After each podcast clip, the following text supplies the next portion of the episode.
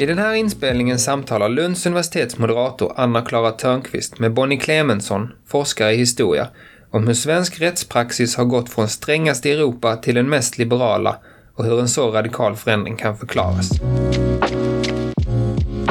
Varmt välkomna till Lunds digitala bokmässa. Bredvid mig här har jag Bonnie Clemensson. Välkommen. Tack så mycket. Och du är verksam vid Historiska institutionen här i Lund. Ja, det stämmer. Eh, och det vi ser här, det är din avhandling från 2016 som heter Förbjudna förbindelser, föreställningar kring incest och incestförbud i Sverige 1680 till 1940.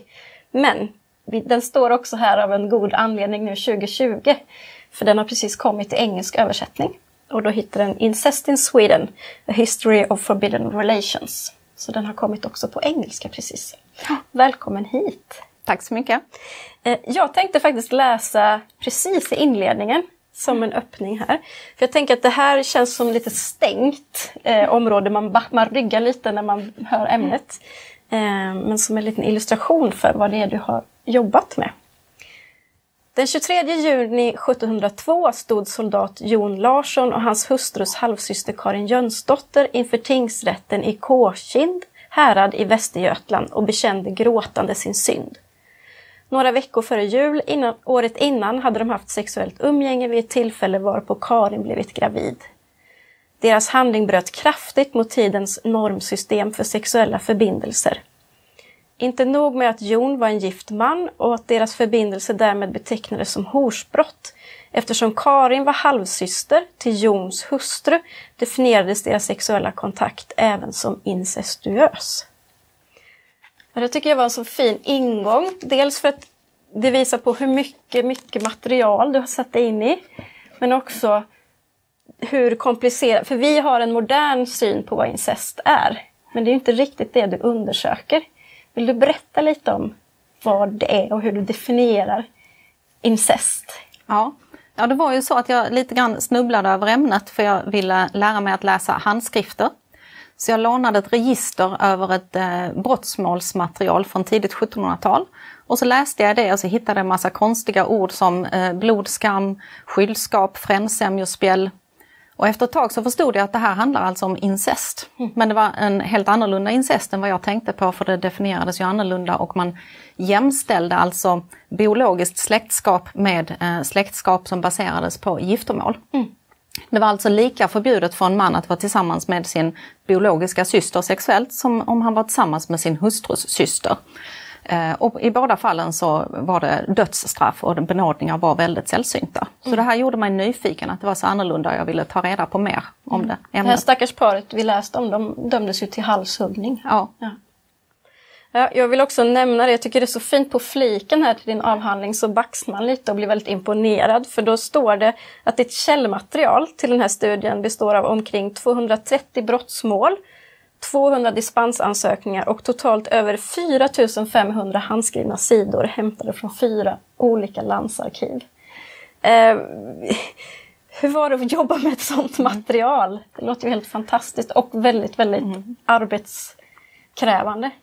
Men eh, ja, det var det ju också. Mm. Jag, jag, ville ju gärna gå igenom mycket material för jag ville nå en, eh, en generaliserbarhet så att jag såg att mönstren var generella snarare än att lyfta fram några enstaka anekdotiska eh, händelser. Jag ville också nå en nationell nivå så att jag kunde se att det var snarlikt och inte bara gällde för regionala områden så att säga.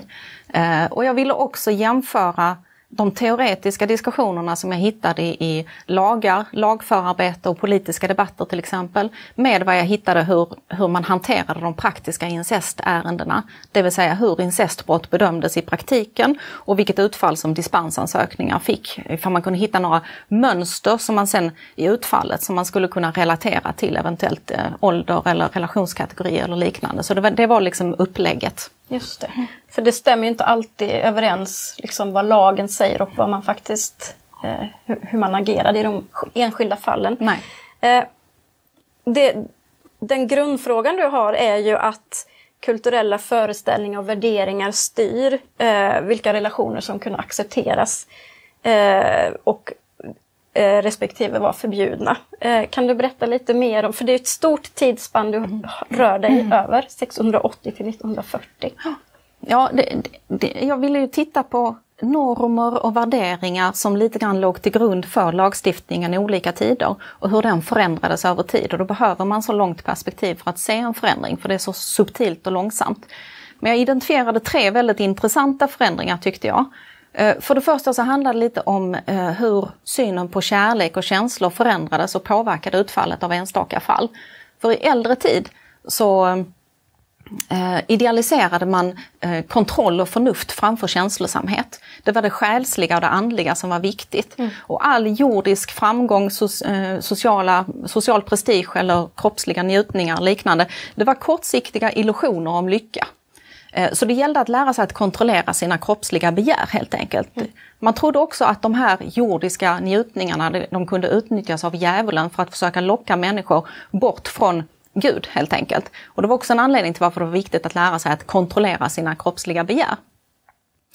Och även om den inomäktenskapliga sexualiteten ansågs som positiv och god så var då den utomäktenskapliga sexualiteten och kärleken väldigt negativ. Mm. Och eftersom den hade så negativa associationer så kunde man alltså inte använda förälskelse som en förmildrande omständighet i samband med de här brottsmålen. Men man kan se senare, på, mot slutet av 1700-talet, när romantiken börjar påverka samhällsdebatten, när vi får ett nytt eh, kärleksideal för äktenskapet till exempel, då kan man säga att par vars relation beskrivs som ömsesidig och kärleksfull, de döms till mildare straff. Men så skedde alltså inte tidigare, vilket var en, en intressant förändring. Jag hade tre sådana här förändringar. Den andra förändringen som jag såg väldigt tydligt, det handlar om hur relationerna bedömdes utifrån eh, synen på familjedynamiken. I äldre tid så bedömde man det alltid utifrån vilken position personerna hade gentemot varandra i familjen. Inte efter vilken eh, ålder de hade eller så. Mm. Och det var lodräta relationer som bedömdes hårdare än vågräta. Det var alltså styvfar och styvdotter eller styvmor och styvson bedömdes hårdare än svåger och svägerska som var horisontellt. Mm.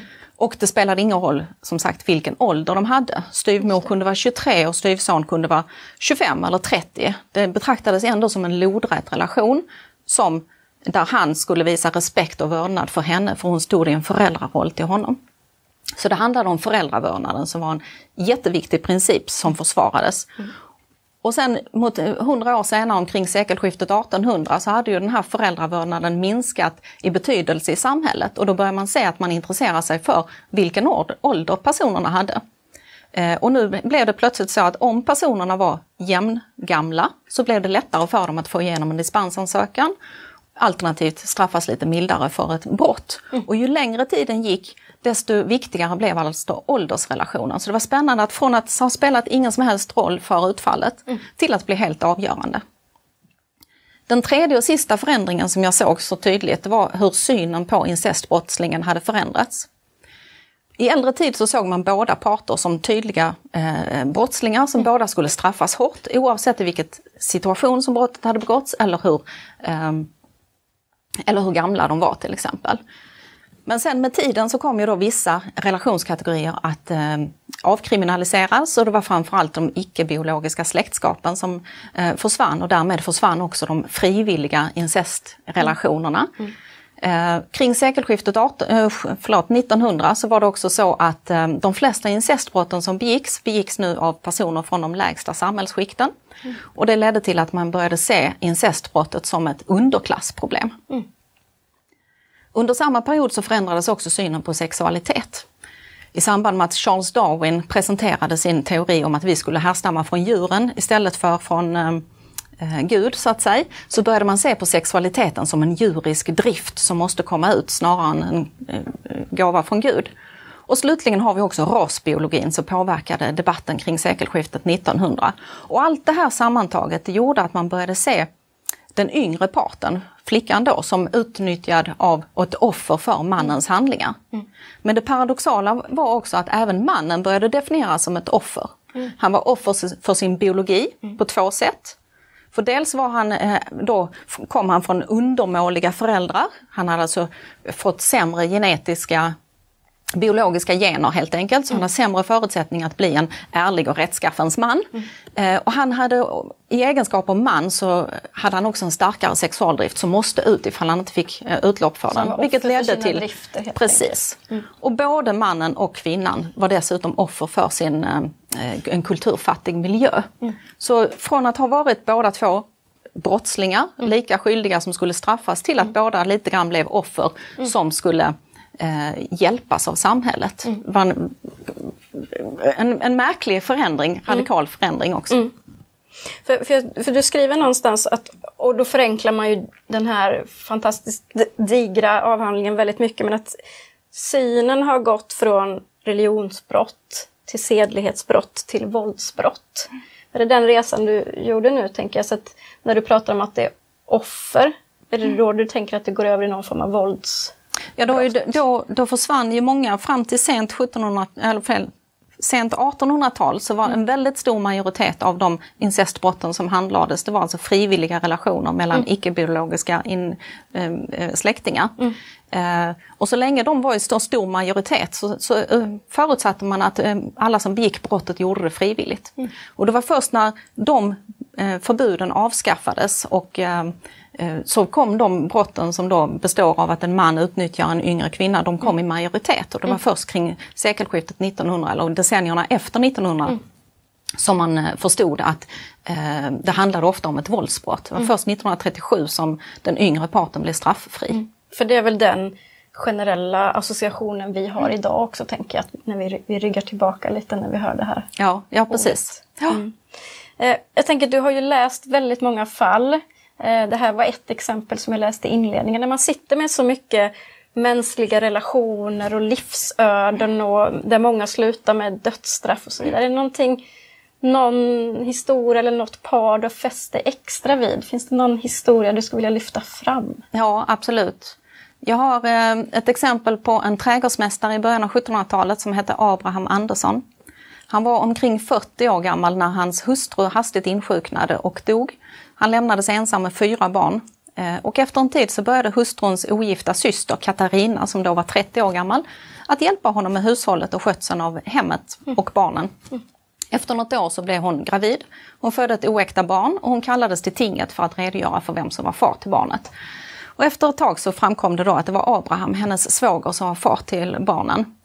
Och i eh, rättegångssammanhanget så vittnade hon om att hon hade försökt stå emot Abraham när han uppvaktade henne. Men till slut hade hon, eh, sa hon, eh, vid, eh, gett efter när hon citat vid Gud började älska honom. Mm. Och även Abraham vittnade om att allt som hade skett i syndighet, det hade skett endast av hans förblindande kärlek till Katarina.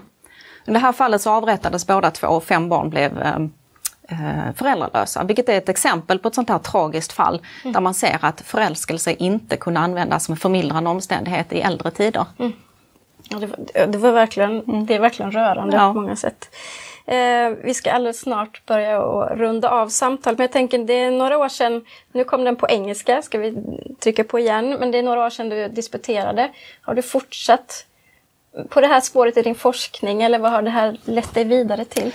Eh, nej, jag känner mig färdig med detta hur spännande det än var. Jag har lärt mig jättemycket under den här forskningsprocessen men nu har jag slagit om till ett annat. Eh, så efter att ha sysslat med flera århundraden samtidigt så har jag nu gått ner till ett par decennier i början av 1800-talet. Mm. Där jag utgår från eh, biografier som är skrivna av straffångar på Karlstens fästning på 1840-talet. Mm. Och jag har hittat material där de har skrivit, jag föddes där och där, mitt första brott var där då och då och så vidare. Mm. Stort material på tusen handskrivna sidor som jag vill jämföra deras egna berättelser om deras brottskarriär och deras möte med rättsstaten med vad som framkommer i domstolsböcker och fängelseprotokoll och liknande.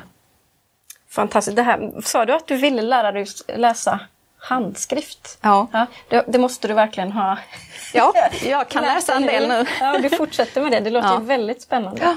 Eh, tack mm. för det här fina samtalet om den här, vi hann bara snudda på ytan men vi hann i alla fall en del. Ja. Tack så mycket Bonnie Clemensson och den här heter då på engelska, för den har precis kommit till engelska, på engelska Incest in Sweden, a history of forbidden relations.